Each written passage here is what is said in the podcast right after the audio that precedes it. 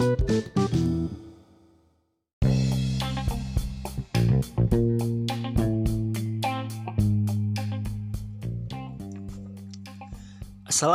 warahmatullahi wabarakatuh.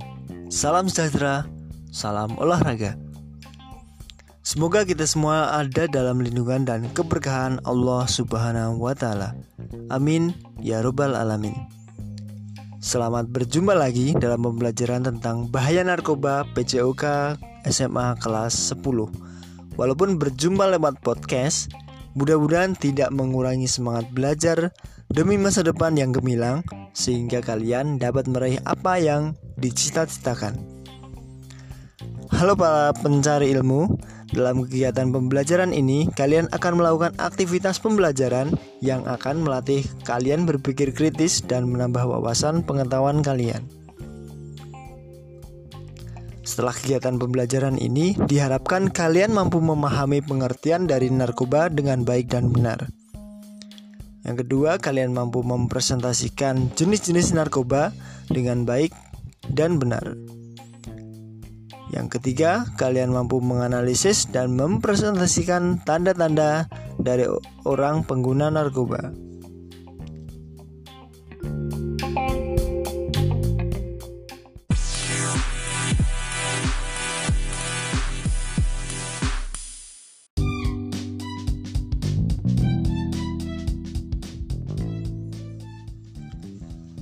Para peserta didik sekalian, Permasalahan narkoba di Indonesia masih merupakan sesuatu yang bersifat urgent dan kompleks. Dalam kurun waktu satu dekade terakhir, permasalahan ini menjadi marak. Terbukti dengan bertambahnya jumlah penyalahguna atau pecandu narkoba secara signifikan, seiring meningkatnya pengungkapan kasus tindak kejahatan narkoba yang semakin beragam polanya dan semakin masif pula jaringan sindikatnya. Narkoba adalah zat yang jika dimasukkan dalam tubuh manusia, baik secara oral atau diminum, dihirup, maupun disuntikkan, dapat mengubah pikiran, suasana hati, atau perasaan dan perilaku seseorang. Narkoba dapat menimbulkan ketergantungan atau adiksi fisik dan psikologis. Sedangkan WHO pada tahun 1982 mendefinisikan narkoba sebagai semua zat kecuali makanan, air, atau oksigen yang jika dimasukkan ke dalam tubuh dapat mengubah fungsi tubuh secara fisik dan atau psikologis. Perlu kalian ketahui, dampak dari penyalahgunaan narkoba tidak hanya mengancam kelangsungan hidup dan masa depan, namun juga masa depan bangsa, negara tanpa membedakan strata sosial, ekonomi, usia maupun tingkat pendidikan. Sampai saat ini, tingkat peredaran narkoba sudah merambah pada berbagai level, tidak hanya pada daerah perkotaan saja, melainkan sudah menyentuh komunitas pedesaan.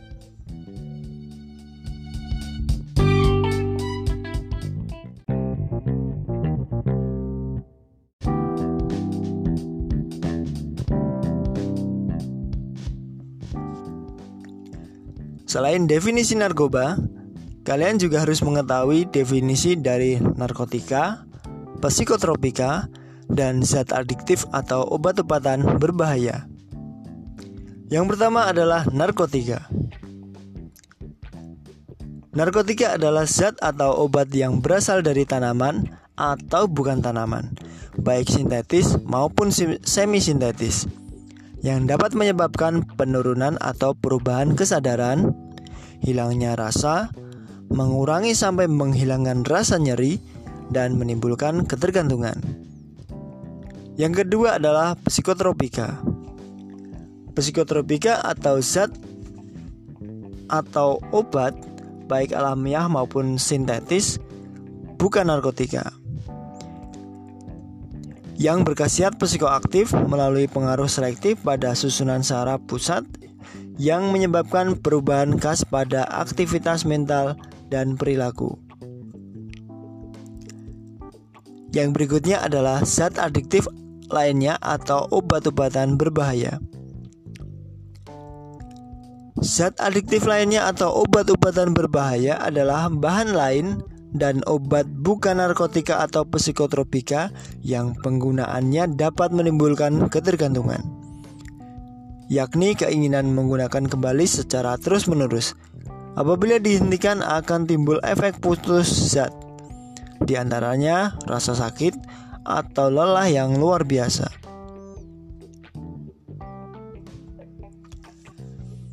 Nah, kemudian bagaimana cara obat ini masuk ke dalam tubuh kita? Yang pertama dengan ditelan. Dimasukkan ke dalam mulut, obat akan meluncur ke pusat usus besar dan diserap ke dalam aliran darah di dalam pencernaan. Yang kedua adalah disedot gasnya.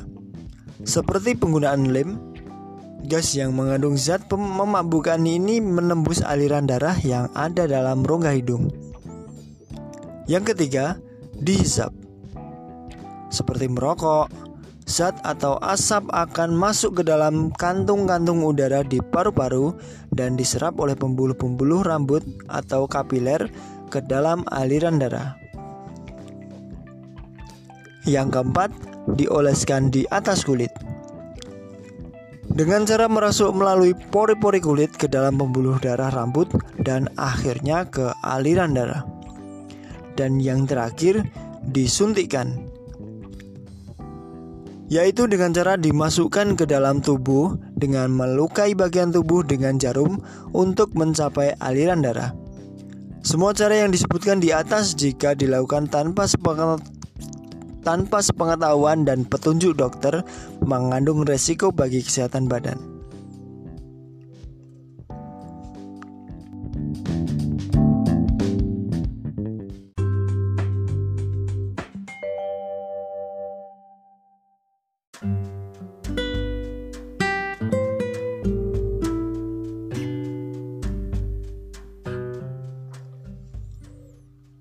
Setelah kalian mengetahui pengertian narkoba dari ulasan di atas, sekarang kalian akan mengulas jenis-jenis narkoba.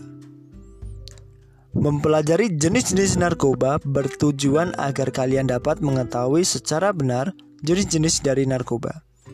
Sehingga di kehidupan sehari-hari kalian dapat menganalisis mana barang, mana makanan atau minuman yang dapat diterima dan dikonsumsi yang bukan narkoba dengan barang yang tidak dapat dilarang dan harus dijauhi, yaitu narkoba. Yang pertama adalah narkotika golongan satu. Untuk ilmu pengetahuan dan teknologi, reagensia diagnosis atau laboratorium mempunyai potensi sangat tinggi menimbulkan ketergantungan. Contohnya adalah opiat yang terdiri dari morfin, heroin atau putau, petidin, dan candu. Yang kedua adalah ganja yang terdiri dari kanabis, marijuana, dan hasis. Yang ketiga adalah kokain yang terdiri dari serbu kokain, pasta kokain, dan daun kokain.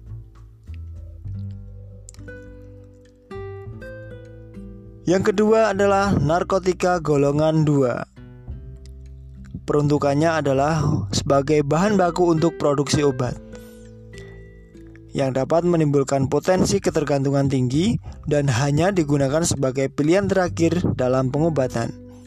Contohnya adalah petidin, morfin, fentanyl, atau metadon. Golongan yang berikutnya adalah narkotika golongan ketiga. Peruntukannya adalah hanya digunakan sebagai rehabilitasi, mempunyai potensi ringan akibat ketergantungan. Contohnya adalah kodein dan difenoksilat. Nah, berdasarkan efeknya, narkoba tersebut bisa dibedakan menjadi tiga golongan.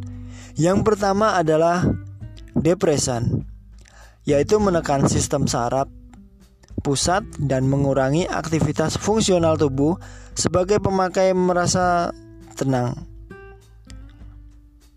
Nah, di sini yang harus digarisbawahi adalah pemakai merasa tenang apabila sudah menggunakan narkotika ini. Nah, bahkan bisa membuat pemakai tidur dan tak sadarkan diri. Bila kelebihan dosis bisa mengakibatkan kematian. Jenis narkoba depresan antara lain opioida dan berbagai turunannya seperti morfin dan heroin. Contoh yang paling populer sekarang ini adalah putau. Efek yang kedua adalah stimulan, yaitu merangsang fungsi tubuh dan meningkatkan kegairahan serta kesadaran. Jenis stimulannya adalah kafein, kokain, apetamin. Contoh yang sekarang sering dipakai adalah sabu-sabu dan ekstasi. Efek yang ketiga adalah halusinogen. Efek utamanya adalah mengubah daya persepsi atau mengakibatkan halusinasi. Yang paling banyak dipakai adalah marijuana atau ganja. Halusinogen seperti marijuana atau ganja mengakibatkan timbulnya halusinasi sehingga pengguna tampak senang berkhayal. Tetapi sekitar 40-60% penggunanya justru melaporkan berbagai efek samping yang tidak menyenangkan. Misalnya, muntah, sakit kepala, koordinasi yang lambat, tremor, otot terasa lemah, bingung, cemas, ingin bunuh diri, dan beberapa akibat lainnya.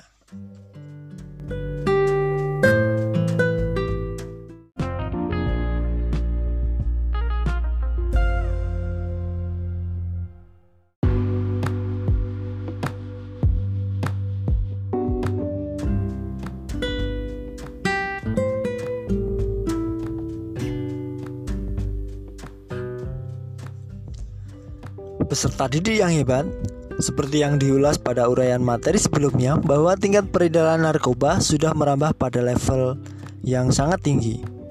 Tidak hanya pada daerah perkotaan saja, melainkan sudah menyentuh komunitas pedesaan.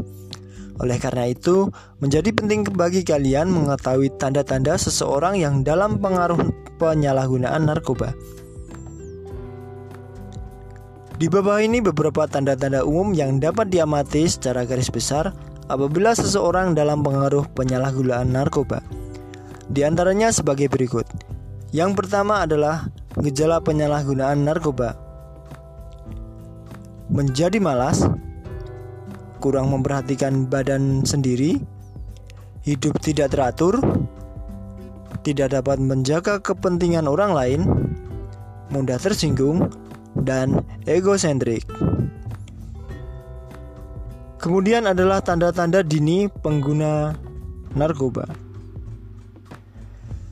yaitu hilangnya minat bergaul dan olahraga, mengabaikan perawatan dan kerapian diri, disiplin pribadi mengendur, cepat menyendiri dan menghindar dari perhatian orang lain, cepat tersinggung dan cepat marah, berlaku curang, tidak jujur dan menghindari dari menghindar dari tanggung jawab, selalu menghindari cahaya matahari atau sinar terang, terkadang disiasati dengan memakai kacamata hitam tidak pada waktunya. Menutup lengan dengan memakai kemeja lengan panjang, sering berlama-lama di tempat yang tidak biasa, seperti kamar mandi, WC, gudang, dan kamar tidur. Suka mencuri barang di rumah, dan yang terakhir adalah prestasi sekolah atau kerja menurun. Yang berikutnya dilihat dari gejala fisiknya, yaitu berat badan turun drastis, pada bagian mata cekung dan merah, muka pucat dan bibir kehitaman, kemudian buang air besar dan buang air kecil kurang lancar, sering terjadi sembelit atau sakit perut tanpa alasan yang jelas, terdapat tanda berbintik merah seperti bekas gigitan nyamuk dan ada bekas luka sayatan, Terdapat pula perubahan warna kulit di tempat bekas suntikan, sering mengeluarkan air mata yang berlebihan, sering mengeluarkan keringat yang berlebihan juga, dan kepala sering nyeri, persendian sering ngilu, banyaknya lendir dari hidung, diare, bulu kuduk berdiri, dan suka tidur dan sering menguap. Dilihat dari segi perubahan perilaku, yaitu susah untuk diajak bicara, sering menyendiri atau menjauhkan diri, sulit untuk terlibat dalam aktivitas, sering tidak menikmati waktu, sering mudah tersinggung, suka berbicara berlebihan, suka kelihatan minder atau malu-malu, selalu tampak tidak tenang atau gelisah, dan selalu curiga tanpa alasan. Para peserta didik sekalian, empat tanda-tanda orang dalam pengaruh penyalahguna narkoba di atas adalah yang sering terjadi secara umum. Sehingga ketika kalian mendapati orang dengan tanda-tanda di atas, setidaknya kalian dapat menjaga diri kalian agar tidak terjerat atau tertarik ke dalam penyalahgunaan narkoba.